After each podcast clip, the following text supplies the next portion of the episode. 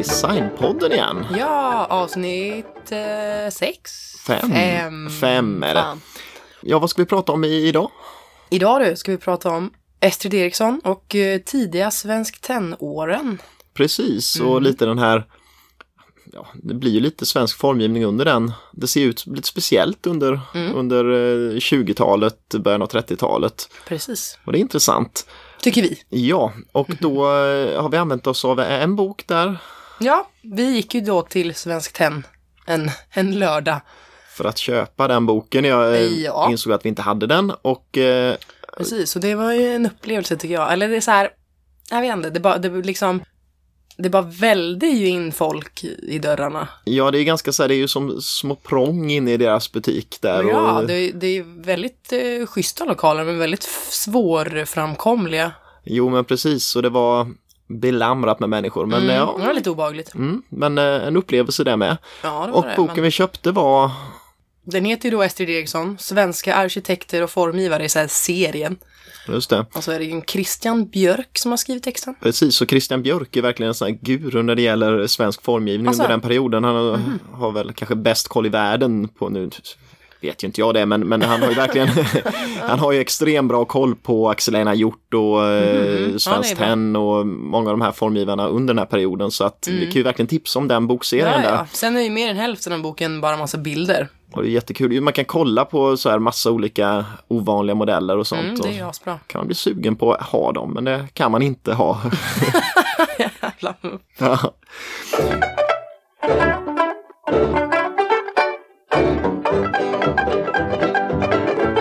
Ja, men hur som helst, vi tänkte väl lite så här att vi, vi kör igång det här med att dra en liten stilhistoria för att eh, det kan vara ganska nödvändigt nästan för att förstå sig på varför formgivningen börjar se ut som den gör när Svenskt Tenn sätter igång. Ja, ja, men det är en bra början tycker jag. Så vi kör igång så.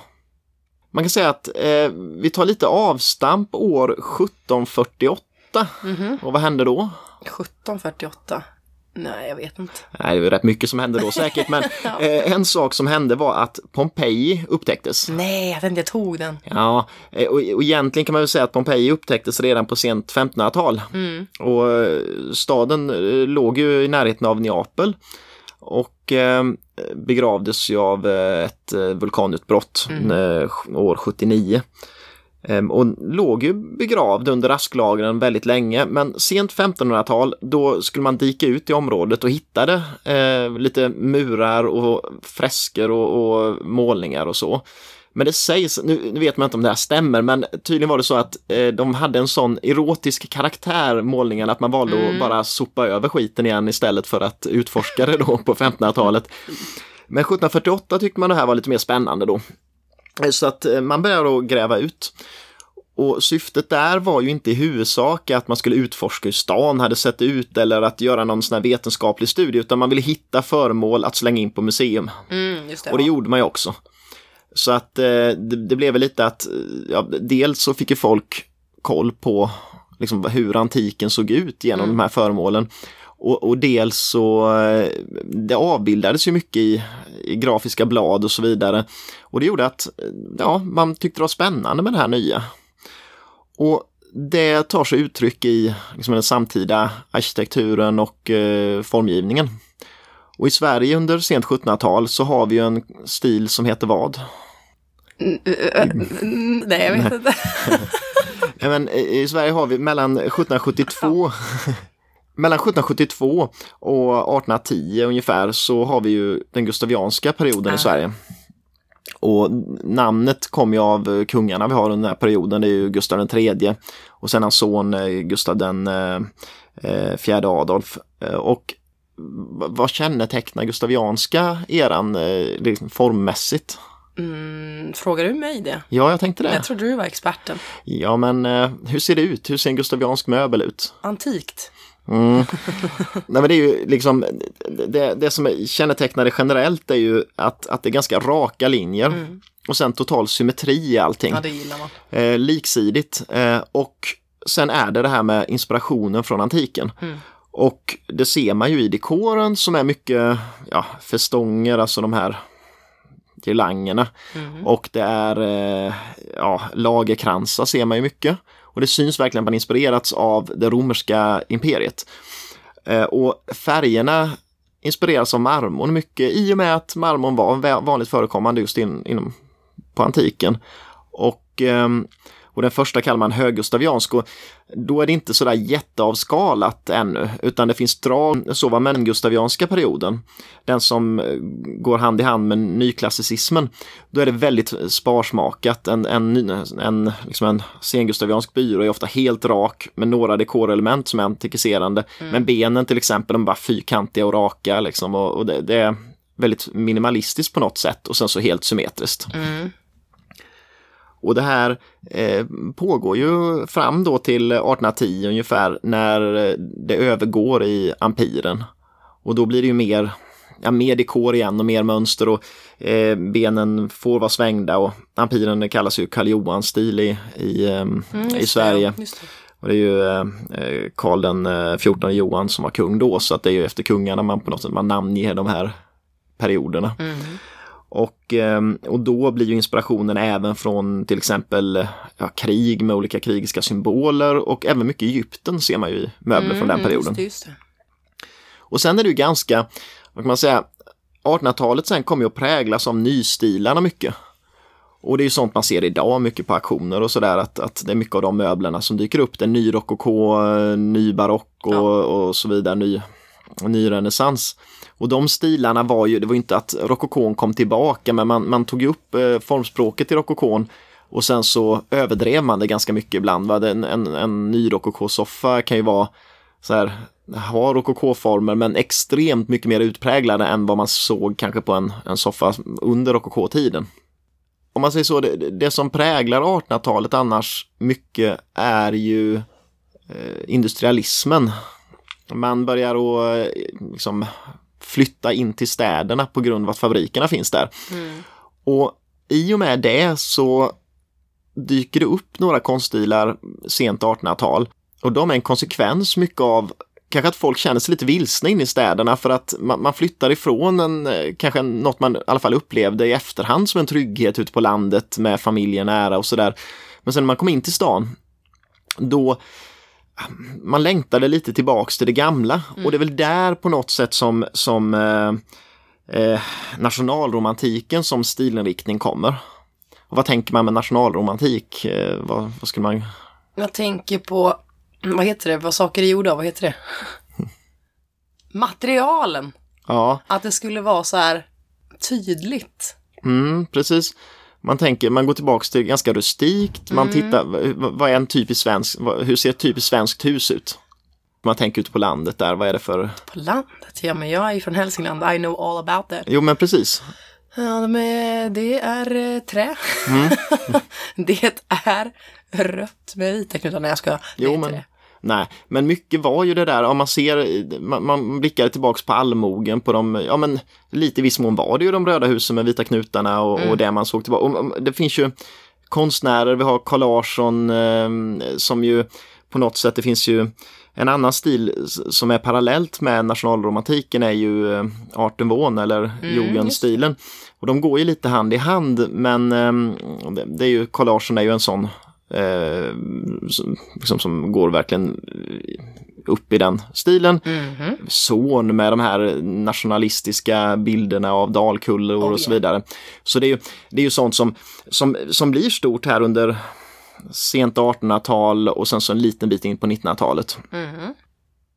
Och det man fokuserar på är mycket naturen och eh, då blir det ju att naturen är en, en inspirationskälla och då, då, då är det ju ingen symmetri utan det är ofta asymmetriskt böljande former och eh, om man ser till, till exempel art nouveau-porslin från Rörstrand till exempel, då är det ju så här blommönster, det är ganska pastelliga färger och, mm. och sånt. Och det, på något sätt är det väl kanske då en ja, längtan tillbaka till, till det gamla när man tvingas bo i en liten sotig liksom ett sotigt rum in i stan och jobba i en fabrik. Va? Så det, det, det förklaras väl kanske på, på så sätt på något sätt. Va? man säger alla stilar på något sätt, de får en efterföljare som är en brytning mot den stilen som fanns ja, tidigare. Alltid, alltid. Och nationalromantiken och eh, jugendstilen får ju på något sätt en brytning eh, i och med eh, nyklassicism igen. Mm -hmm. på 1920-talet. Eh, och om man säger att inspirationskällan på, för den sengustavianska stilen eller hela den gustavianska stilen var Pompeji. Då är det något annat som är, eh, de har en liknande, de har en egen Pompeji om man säger på den här 20-talsklassicismen. Alltså. Och vad kan det vara för någonting? Något som hände 1922. Jo, då, då hittar man Tutankhamons grav. Ja men jävla Tutankhamon ja. Och det, det gick ju till så, alltså det, det, det hände ju rätt tid också för att eh, på 20-talet, det var de första gångerna som liksom, journalisterna kunde följa med eh, arkeologerna. Mm. Och man fick film ifrån att man öppnade graven och film ifrån att man bar ut de här fantastiska föremålen ifrån graven. Och eh, eh Howard Carter som var arkeologen som hittade graven, han, eh, han exponerade så mycket i, i media och det här blev en inspirationskälla som drev på, skulle man väl kunna säga, nyklassicismen på 20-talet. Och i Sverige så har ju den här inriktningen eh, kommit att kallas eh, Swedish Grace. Mm. Och det... eh, Fick, Varför det? Ja, alltså det, det var på eh, Stockholmsutställningen 1930. Mm. Så var det en London-journalist där som, som såg på det som ställdes ut. Eh, Han hette, vad var det, Philip Morton uh, Shand. Och han, han kikade på det och så kallade han det Swedish Grace. Och det var väl både då uppskattande och lite ironiskt för att han kanske tyckte att det var lite väl mycket med allt det här med, eh, vad ska man säga, hur, hur ser det ut? Det är mycket det är en svensk tolkning av art deco på något sätt eh, med den här nyklassicistiska inslagen. Och där ser man ju mycket av de möblerna och föremålen är ju inspirerade av eh, det sengustavianska med just de här extremt raka linjerna. Oh, ja. Och man har ju brutit mot asymmetrin i, i jugendstilen och istället är allting symmetriskt och de här geometriska mönstren med cirklar och Oj. med allt det där finns ju. Och sen att man har mycket ädelträ och, och ehm, liksom ädelträ och gedigna material blandat med de här nymodigheterna som, som industrialiseringen har eh, kommit fram till så att eh, man har lacker, man har kanske bakelit och man har sådana saker också. Men man kan väl säga att, att den här perioden är ganska kort i Sverige egentligen.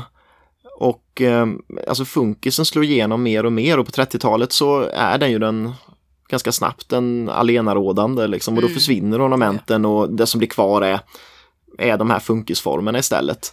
Så att det blir lite en fortsättning på, ja, på den här stilen. Som alltid. Ja.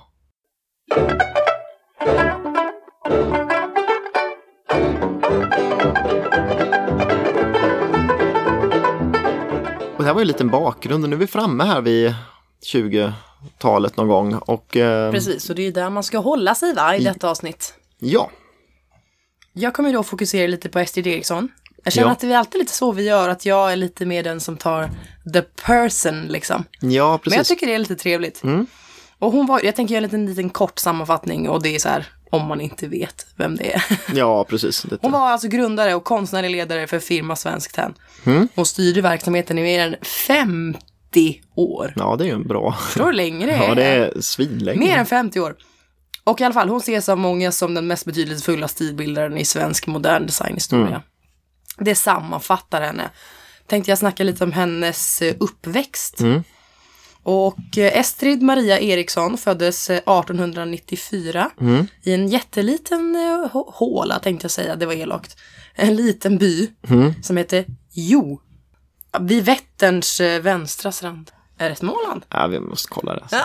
ja, vi, ja. Ja. pinsamt. Estrid hette då Eriksson med eh, K och eh, dubbel S från början. Den klassiska vanliga Ja men precis, stavningen. den, den svennigaste liksom. Mm. Sen så gifte hon sig med en eh, sjökapten, Sigfrid Eriksson, och han hette bara med C och ett S. Så då tog hon det istället. Är inte det lite lämpligt? Man heter fortfarande samma sak men man har ändå så här, Lite coolare stavning ja också. man har coolat till sig lite. Mm, precis. Hennes pappa var källarmästare och ägare till stads och badhotellet i Jo. Hon hade sex syskon faktiskt. Det var väl ganska vanligt med sådär mycket barn. På den tiden. För hon, är ju, hon är ju lite generationen före många av de andra vi har Ja, det är pratat hon ju, om. precis. Annars har vi ju hållit oss lite mer på i början av 1900-tal. Så att i alla fall, hon hade då en bror och fem systrar. Mm, det var nästan bara systrar där. Mhm. Och i skolan utmärkte hon sig i teckning och handarbete. Som många av de andra vi har pratat om också i det här. Ja, precis. Hon ville dock bli sjuksköterska eller trädgårdsarkitekt. Ja. Men hennes lärare tyckte hon skulle bli teckningslärarinna.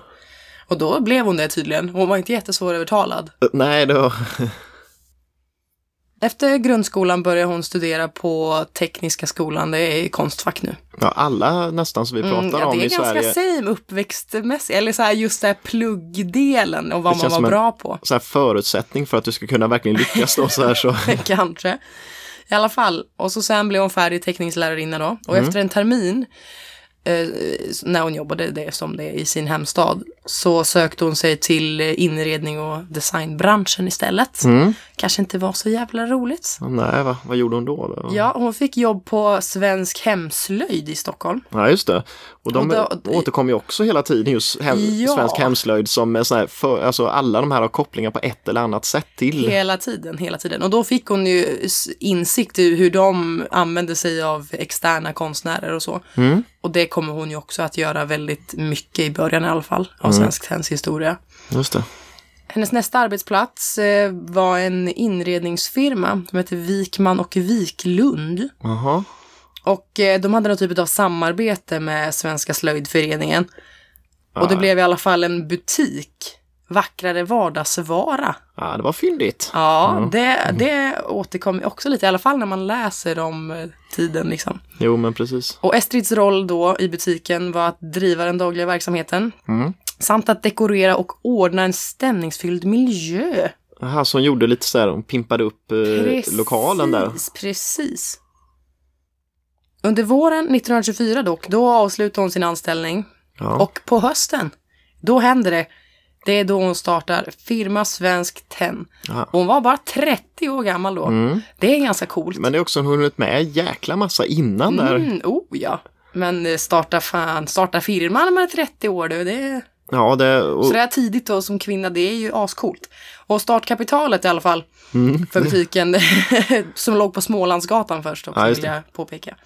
Det var eh, arvet efter sin far. ja, just det. Vet inte hur mycket det var. Nej. Men han, han hade gått bort samma år. Och det gjorde det möjligt för henne att starta eget. Precis. Sen eh, efter något år sådär, ett eller två, så, började, så bytte de location till då. Vart ligger Svenskt Tenn idag? Strandvägen. Ja, Strandvägen och det är ju, ja de är kvar där Ja. fortfarande. det är ju en ganska bra Location för location för vad hon ville med hela. hela verksamheten där. Mm.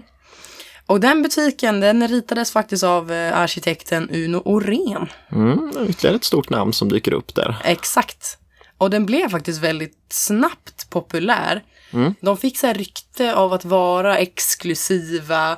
Och eh, tydligen så var kronprinsen Gustav Adolf en av de första kunderna.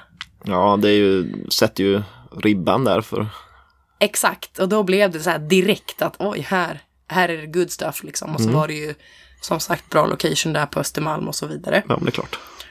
Bara under första, eller under första åren så sålde de ju bara tennföremål. Mm. Eh, och från och med 1927 dock så blev det mera möbler och inredning överlag. Ja, Och inte bara Inte tenn. bara Men det var ju så det började. Men de, de hade inte riktigt, de tyckte inte att det var värt att ändra på namnet. nej, inte när det väl hade gått så bra Nej. från början då så. Nej men precis. Men det är därför man idag kan bli lite så här, egentligen nu, nu är det ju sånt vad, eller det är en så del av det svenska språket, firma Svenskt Tenn, så man tänker inte på det, men egentligen är det ju lite kryptiskt sådär att det är tyger Ja. och det är soffor och det är sånt som inte har något med tenn att göra. Precis, och speciellt eftersom att man ju aldrig säger firma nästan, för det orkar man inte för det blir så långt. Och så är man Svenskt Tenn. Då säger man bara Svenskt Tenn, men det är ju också, det kan ju stå under vissa prylar. Mm, precis. Och det betyder ju inte att det är från firma Svenskt Tenn. Nej, det är ju det sån här mest klassiska misstaget Ja. av folk som kommer in i, eh, på jobbet så här och ska Han bara, lämna här in står det något. Svenskt Tenn under.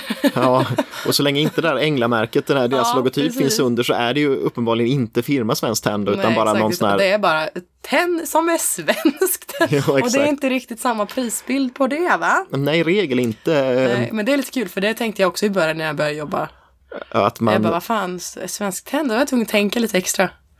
Precis, nej, men det så här, kan ju faktiskt folk ta, och ta till sig också så att man Ja, alla vet vara- att står det Svenskt Tenn under ett tennföremål så är det inte Svenskt Tenn eller firma Svenskt Tenn i regel utan Då att måste det det stå firma Svenskt Tenn och ha den där lilla stämpeln. exakt. Hon var då i alla fall vd för företaget från 24 till 78. Och då var hon faktiskt 84 år gammal. Ja, ända till 84 års ålder var hon vd för. Ja. Mm, Det är väl strongt. det är strångt. Sen dock så, ja 78 så slutade hon då och det var väl fan på tiden när hon var 84 bast. Ja, det känns väl som att det är jobb, slitigt att jobba heltid Mm. och mer därtill kanske. Med, Oh ja, och inte långt därefter, eller ja 1981 så avled hon 87 år gammal. ja, Det är gammalt tycker jag ändå. jo men och verkligen utnyttjat max av sitt yrkesliv. Verkligen, livet i sig Mm, kanske. absolut.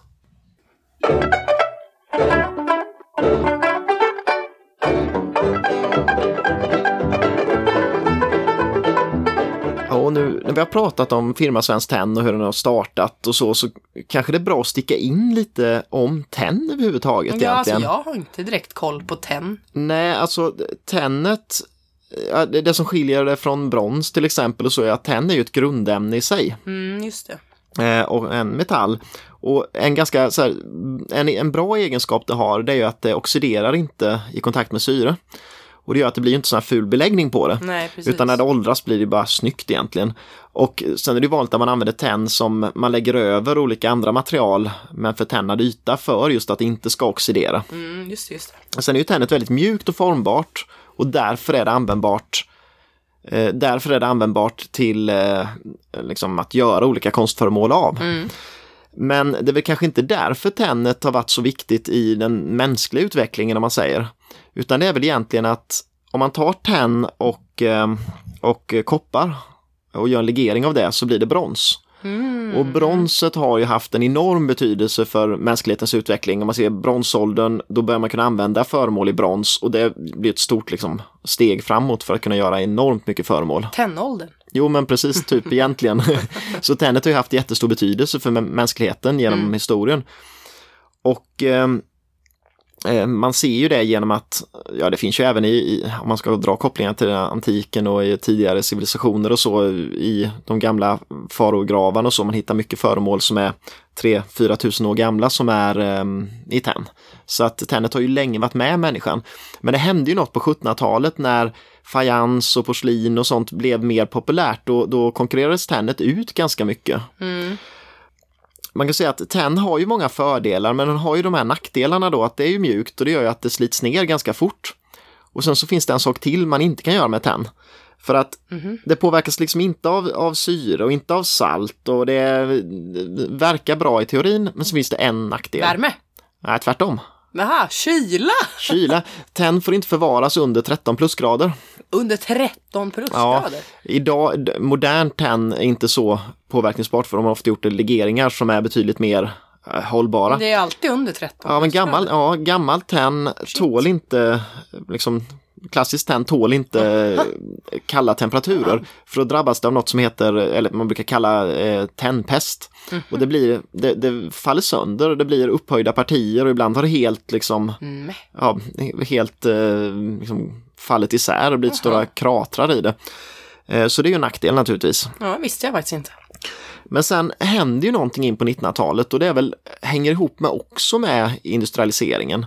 Det är det att man massproducerar för en, liksom, en begynnande medelklass på något sätt. Och då är det inte lika viktigt att det bara är liksom, silver och, och ädelmetaller i allting utan man massproducerar och då kommer tennet in i bilden igen. Va? Och Nordiska museet tar ju upp det där redan 1919 då de har en stor utställning som är retroperspektiv över tennets historia och liksom det gamla tennet och så vidare. Och efter den så får tennet större och större uppsving i, i, liksom i, i produktionen. Ja, tillsammans med andra så här oädla metaller som, eh, som nysilver och, och järn och så vidare så, så, så blir tennet på modet igen där under den perioden. Och därför så är det inte så konstigt kanske att firma Svenskt Tenn liksom startas under just den perioden. Nej, det var ganska i tiden. Ja. Ja,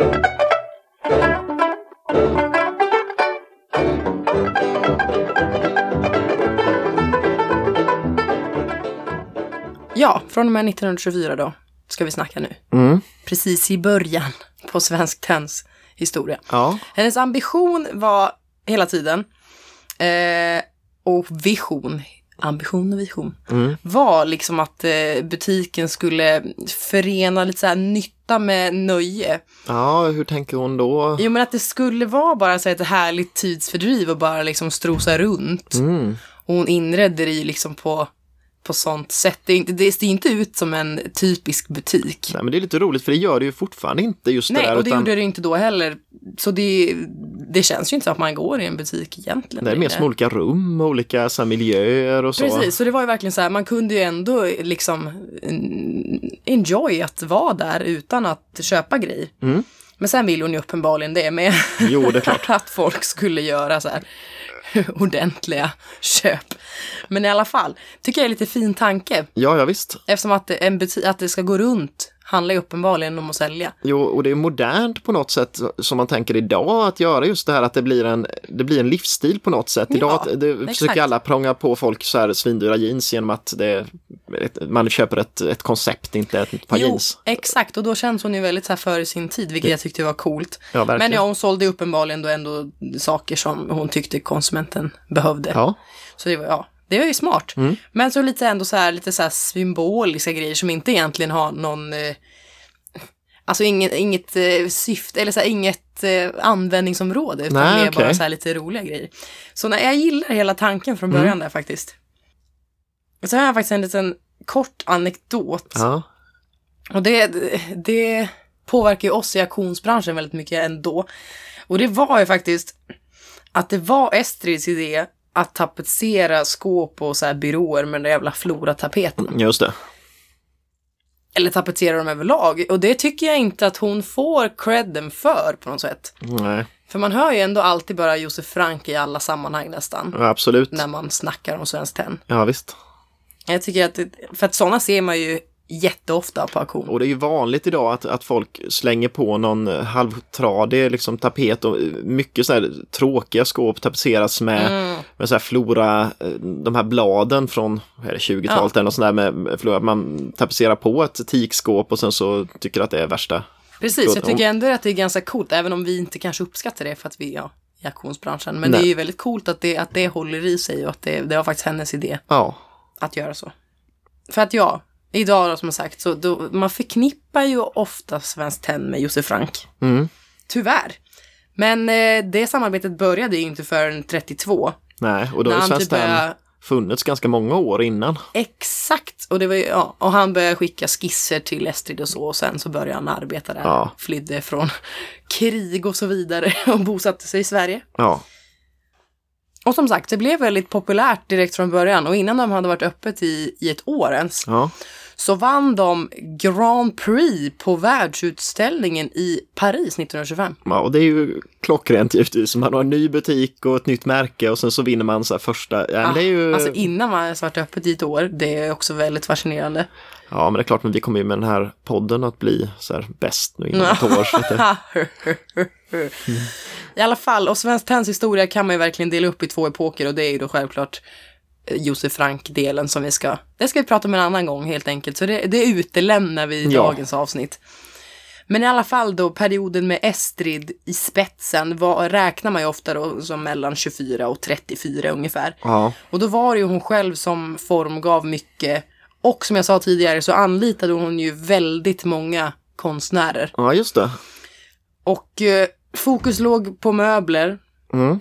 Faktiskt. För då hade hon övergått från, från tennet där. Hon gjorde ju fortfarande mycket det. Men det, det gick snabbt över till att fokusera på möbler. För det, det kanske gick hem direkt från början. Och blev cash också på det där? Det, Ja, du tänker så ja. ja. Och det var, ju, det var ju mycket, alltså hur ska man beskriva Svensk Tenns formspråk? Det är ju lite som du sa, att det är ju också väldigt så här, men det är ju så här strikt och klassicistiskt, Ja. men ändå mycket ornament på något sätt. Jo men precis, jag tycker ändå det är så intressant att kolla på speglar till exempel, hur de är eh, på något sätt, de är så extremt inspirerade av de gustavianska speglarna. Eh, och, och de här små ornamenten som kom, det är en så här raka nästan art deco. Mm, verkligen. Precis, i princip nästan som funkis, men eller med att man har lagt in som, som kitsch nästan ett, ett ornament eller något sånt där eh, i Exakt. klassisk stil då. Men sen är det väl en del redan då, en del egyptisk inspiration och en Mm, del det sånt. ser man ju. Precis. Det, ja, det är, det är härligt. Det känns väldigt så här. Men det känns ju modernt typ nu tycker jag. Och det blir roligare än funkisen på ett sätt eftersom Ja, det blir dekor och det blir eh, någonting mer än bara det här funktiona- funktionella. Va? Det, det, Jag tänkte också ta upp några namn som hon ändå samarbetade med. För att ja, man intressant. kan beskriva hela egentligen framgången med de här. Att de här samarbetena blev så rätt liksom. Ja, Och eh, några namn då Mm. är ju Gunnar Asplund. ja, och det är ju inget dåligt namn. Och, och Nej. Anna Petrus. Ja, gjort mycket Ossian fint. Älgström. Mm. Uno Orén då. Ja, Tyra Lundgren. Mm. Edvin Örnström och eh, Nils Fogstedt. Jag har inte gett Nils någon cred i den här, men han var ju faktiskt med och startade också. Mm. Han hade en liten roll i det. Ja. Så Och, att eh, han ska ha lite cred. Han var ju en tenn-konstnär. Jo, men precis så. Alla de här namnen är ju sådana som naturligtvis var extremt skickliga på, på det de gjorde och extremt stora namn. Och hon knöt ju till sig precis rätt personer. Det Mm. var inga dussin dussin eh, formgivare liksom, utan det här var det bästa och det bästa. Ja, och det det var det. Jag fattar inte riktigt hur hon lyckas. Nej, det är fantastiskt. Ja, verkligen.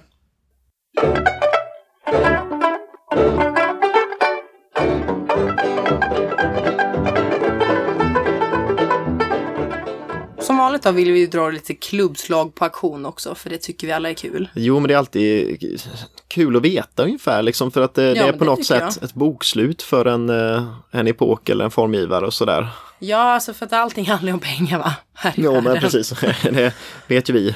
Eller hur? Jag har ju kollat bara Estrid Eriksson då, Mm. när jag har letat efter klubbslag. För jag tyckte det var intressant. Och Ja, då hittade jag mycket så små, små prylar. mm, vad var det för några grejer? Var det... Mycket så här askar med lock. Mm. Med så här, vad heter det, liksom sån teknik. Mm, ja, jag vet inte riktigt. Men liksom så här små subtila liksom, Ja, eh, mönster helt enkelt. Och det, de är, det är inte stora grejer men det brukar ändå gå mellan 3 och 6 tusen ungefär. Ja, det är en del riktigt fina så här, tobaksburkar och sånt där liksom som, eh, ja, kan man tänka sig. Räknas som lite mer nöjesprylar kanske än Ja. nytta. Jo, precis. Men det var lite sådana jag hittade faktiskt här. Och så här, sillstamp i form av elefant fanns det väldigt många noteringar på. Mm. Ja. Och den var alltså 2,5 centimeter bara. 4,5 centimeter menar jag. Ja. Men ofta så går den mellan 3 och 5 tusen. Mm, mm. Men det är ju en sån klassiker verkligen, eh, just med Oh, elefanten ja. också ja, som elefanten, återkommer. Det, ja, det går ju hem när man tänker svenskt tenn. Mm. Sen hittade jag bokstöd i form av kvinnohänder. De var väldigt fina. Mm. Och de gick för 7000 ungefär. Ja, men de är ju sådana här, väldigt många tror jag kan tänka sig att ha dem hemma. Ja, I could. Definitivt. Sen märkte jag ju när jag tittade att det verkar ju vara speglar Mm. vad gäller Astrid Eriksson som går bäst. Ja, Det finns ju en ganska klassisk, man ser väldigt mycket i auktionsbranschen, en rektangulär med så en textilram. ja, precis som är tillskriven henne ofta. Jag vet inte exakt hur det är med den faktiskt om jag ska vara helt ärlig. Nej, inte jag heller ju. Men i alla fall, hon tillskrivs ju den då. Ja, Så vi räknar den nu även fast den kanske är lite. Ja, antingen har hon gjort den eller så sålde de den bara eller ja, man vet inte. Det var i alla fall relaterat. Ja, Och eh, ofta har det mm, utrop så här runt 4-5. Mm. Men just i det här fallet, då gick den faktiskt för 29 000. ja, det är ju fruktansvärt högt för en sån men eh, Ja, det, för så kul är den ju inte, även Nej, om jag kan uppskatta den. Om jag ska vara helt ärlig så känns det lite som så här, de här ramarna som Axel Lind har på sina tavlor som är ju den här väv Ja, liksom och sen som det. målat den i en kul färg. Oh, fy vad Men- mycket värre det är på tavlor dock. Jag Ja, gillar inte alls det på tavlor. Jag vet inte, jag har lite svårt för just den där spegeln faktiskt om jag ska vara helt ärlig. Ja, den är inte den bästa. Nej. Det här, nu ska jag prata om den bästa, tycker jag. Ja, Och det är en rund som har en eh, ram av lagerbladskvistar och den är så jävla fin. Mm. och den är så typiskt så här antik, alltså den Mm. romerska, man, man ser eh, liksom tillbaka till det. Är det en av favoritspeglarna i alla Oh, ja. kategorier? Oh, jag hittar ju många noteringar på den med. Mm. Men jag vill ha med det högsta för det tycker jag är kul. Ja, Det här är Sverige alltså. ja, Då hade den utrop 20 till 25 Mm. och då klubbades den för 54. Mm. Men det, det är ju så tacksamt med speglar också för det är lättplacerat och eh, Alla vill ha. har man visst ego så vill man ha en spegel hemma Ja, och då så, ja. Jag måste ta internationellt också för att det ja, verkar inte spela någon roll hur svensk någonting är. Så går det ju bättre ja jo men det är ju internationellt. för det mesta så. Ja, och det är ofta Philips London Mm. som jag hittar noteringar ifrån. Men i alla fall, det högsta jag hittade ever då, klubbslaget, På Estrid Eriksson, det var ju den där eh, runda. Eh, spegeln spegeln med lagerkransen. Ja. 2014, då hade de dock satt utrop 70 till 100 000. Det är ju crazy. ja, det är högt men eh, ja. Och den klubbades för 70 000. Mm. Vilket ju som sagt är det dyraste jag hittat. Ja, Och det är ju svin mycket pengar. Men varför sätter man ett sånt utrop? ja eh, grejen är ju så att prisnivån är ju, om man ska vara realist, helt annorlunda utomlands. Jo, Eh, men och var det där realistiskt? Ja, uppenbarligen. Ja, det var det ju typ då, så man gick fick man ju- 70. i och för sig lägre spannet men ändå så, eh, ja, För, ja, för att det som är så hemskt är att då ser det där lite dåligt ut. ja bara för att man drar Bara för, till att de, med... bara för att de drog till med så jävla högt. Man bara, fan det är bara 70 där. Nej då, men, Ja, men- det är menar det högsta jag hittade i alla Yes. fall. Har du något då, eller?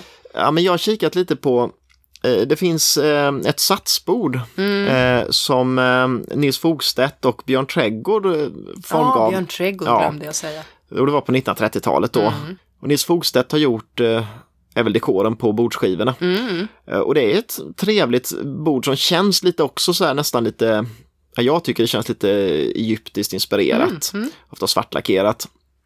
Och lite rolig anekdot med just det här bordet var att det var precis innan jag började jobba på jobbet här så var det Mm. en kollega till mig som var ute på en värdering jag tror det var på ett företag liksom Mm. och det var trista kontorsmöbler i princip de hade på det där Ja, stället. det vara så.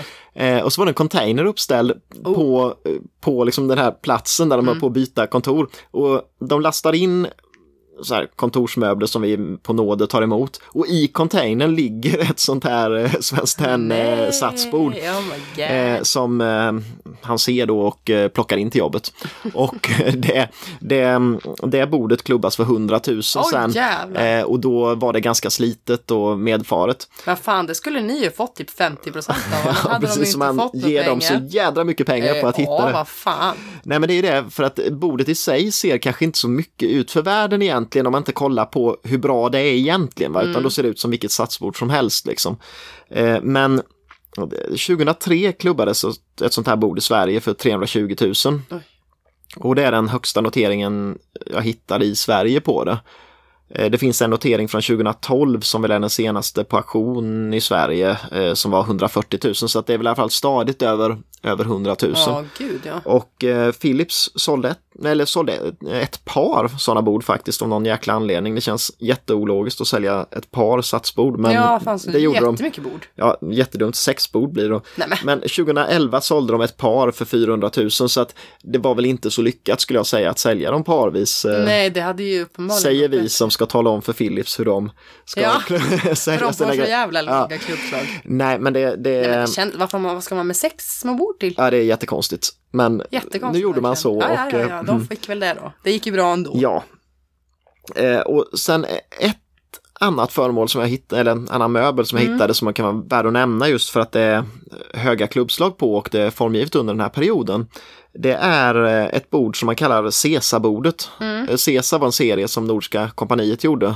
Och eh, Axel Einar Hjort och Nils Fogstedt gjorde det här tillsammans. Det var ett samarbete mellan Svenskt Tenn och eh, Nordiska kompaniet. Mm, okej. Och Cesarbordet är ett, vad ska man kalla det, som ett sidobord eller ett biblioteksbord eller så. Det är ju ett eh, avlastningsbord. Mm. Och där är eh, skivan har eh, Stockholmsmotiv. Och bordet fanns med bland annat på Barcelonautställningen 1929. Jaha.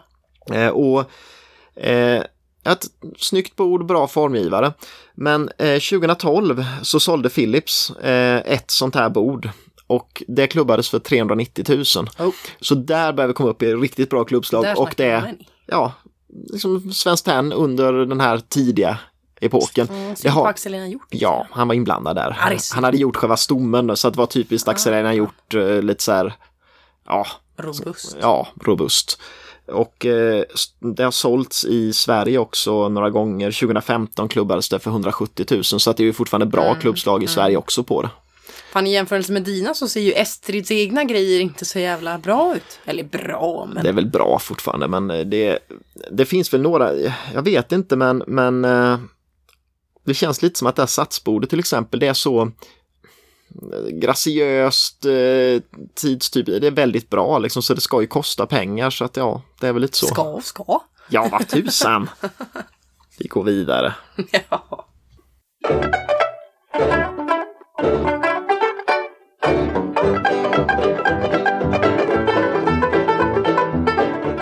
Ja, men det här var ju en liten sammanfattning av tidigt svenskt tenn och vi kan ju tipsa om eh, Christian Björks bok både om, Mm, ja, eh, ja, om eh, Estrid Eriksson och eh, om eh, Josef Frank. Det finns ju bra litteratur där som inte kostar mycket. Den kostar Nej, det var ju under, det billigaste som fanns typ där inne i under, butiken. under 100 spänn. 80 spänn kostar den, Ja. va?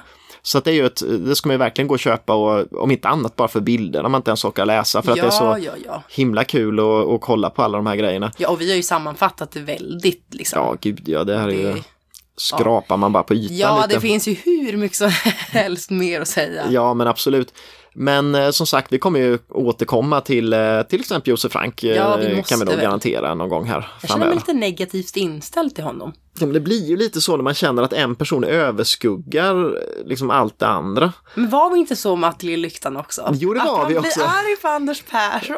Ja, det är inte, så här, det är ju- inte Josef Franks fel. Nej, men jag eh, vet, och det är inte Anders Perssons fel heller. Men Nej. man blir när någon Det är liksom... mer Anders Perssons fel än eh, Josef Franks fel. Vi hatar Anders Persson lite mer. Nej, det gör vi inte. Nej, vi överdrev. Ja, men eh, som vi har eh, tänkt så här, vi, vi brukar försöka slänga in något annat så här på slutet som inte riktigt, eh, Ja, alltså vi har ju kallat det för listan, men det behöver inte vara en lista. det blir nästan aldrig en lista så att jag vet det blir inte. typ två gånger kanske. Ja, och sen inget mer. Men i alla fall, bara att man har snackat om någonting Mm. annat. Och jag tänkte så här att du gillar ju det här med klubbslag va? Ja, det tycker jag är jättekul. Eh, precis, och, och då tänkte jag vi skulle ta död på allt det här med klubbslag. Va? Ja, eh, för jag skulle tänkte att vi skulle ta upp en, en sak som gör att allting känns futtigt. Oh, I'm fucking excited. Ah. Oj, det svor jag. Ja, och då, Jag gillar pengar. ja exakt. Och det är det, eh, vi ska kasta oss till Irland Jaha, är det där det och händer? eh, 1878, så det är något tidigare än när eh, Estrid Eriksson föds. Ja. Så föds en eh, formgivare som eh, heter Eileen Gray Ja. och hon eh, har ju på något sätt, ja vad tänker man på när man tänker Eileen Gray? Alltså, jag har inte jättekoll. Om jag ska vara helt ärlig så känner jag absolut igen namnet. Mm. Och det finns en möbel som man ofta tänker på fan och det är är ett, det? ett glasbord. Nej, eh, ett sånt där höjsänkbart glasbord eh, i klassisk så här Bauhaus-stil eller Mm. Ja, ja, ja, ja, Funkis-stil. Eh, och det är ett bord som finns i produktion idag. Och är väl inte så där jädra roligt egentligen kanske men ja, det eh, funkar fortfarande så då har det ju verkligen någonting va. Ja, ja, såklart. Eh, Och eh, Eileen Gray hon, hon föddes på Irland då som sagt var och ehm, var en formgivare, arkitekt, konstnär. Och 1922 så eh, öppnade hon eh, ett galleri och en inrednings, eh, liksom, vad ska man säga, inredningsbutik eller en stylistbutik i, i Paris. Mm. Och eh, hon är väl eh, då mest känd för det här bordet och det heter eh, E1027.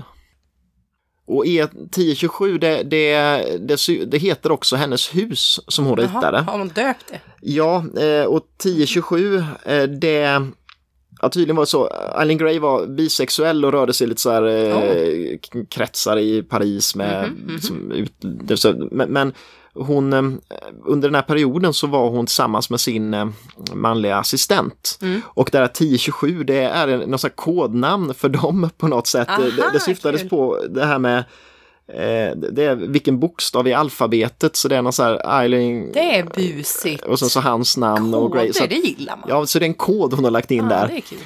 Eh, men ehm, vi ska inte alls prata om Bauhaus-aktigt här när vi pratar om det här klubbslaget. Som Nej, vad ska vi prata om då? Mm, Ja, det är så här att eh, mellan 1917 och 1919, Mhm. två års tid, det är lite så svävande, så formgav hon en fåtölj. Eller formgav är fel att säga, för hon gjorde en fåtölj under den här perioden. Den finns i ett exemplar. Eh, och den kallas Dragons. Dragon. Mm, och det är en, en skinnfåtölj som har lite så här, nästan lite, ja, ska man säga, kinesisk inspiration. Fan, den måste jag googla fram. Ja, det är två svängda eh, havsormar eller sjöormar eller drakar, beroende på hur man vill, som bildar armstöd i den.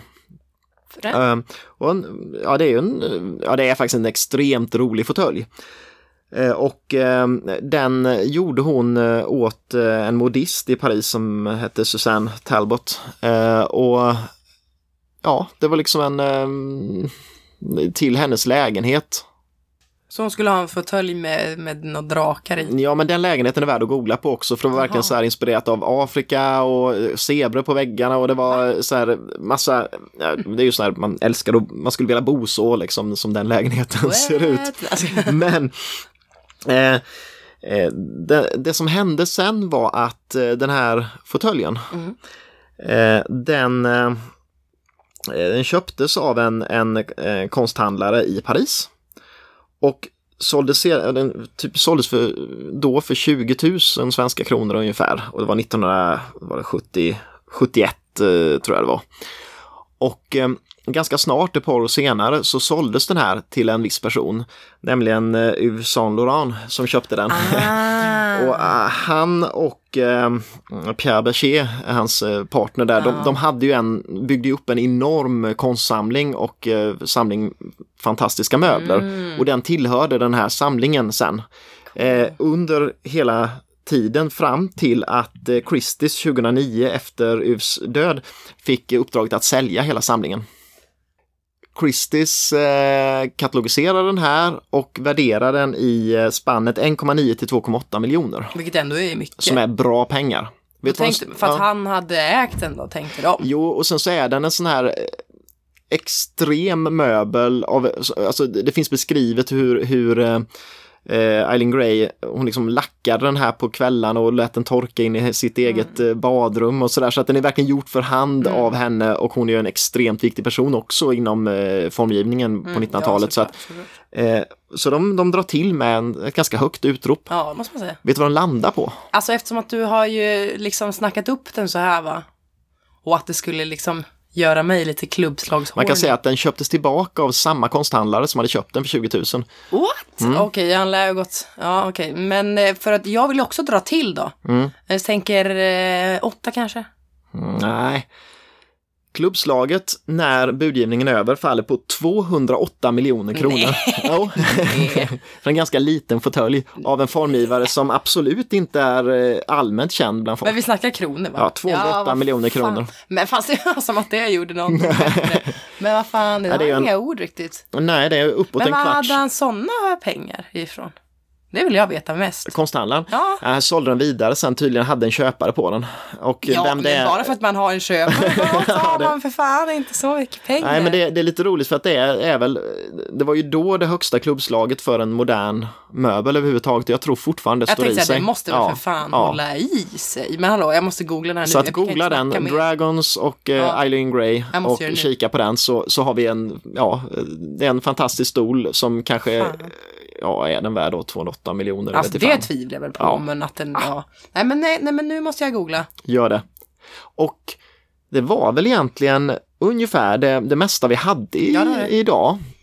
That was it. Ja, och ja, vi- har ju funderat på ämnet till nästa vecka och vi vet också ämnet till nästa vecka. Men som vanligt så kommer vi bara att hinta lite på, på Instagram där vi heter. Designpodden. Ja. Vi kan väl inte här lite också, det brukar vi också göra. Ja, det kan vi göra. Och det, det blir lite kul för att det blir ju inte en person. Nej, och det blir inte en händelse. Så. Nej, det är lite kul. Ja. Och eh, vill man oss någonting under tiden här nu så går det jättebra och eh, slänga iväg ett mejl till Mm, designpodden gmail.com. Yes och kolla även på eh, Facebook finns det där också som Designpodden. Check så att out. gilla oss och skriv något om ni vill. Så, så hörs vi igen nästa vecka. Yes we do. Och så sa jag inte ses igen utan jag sa rätt där.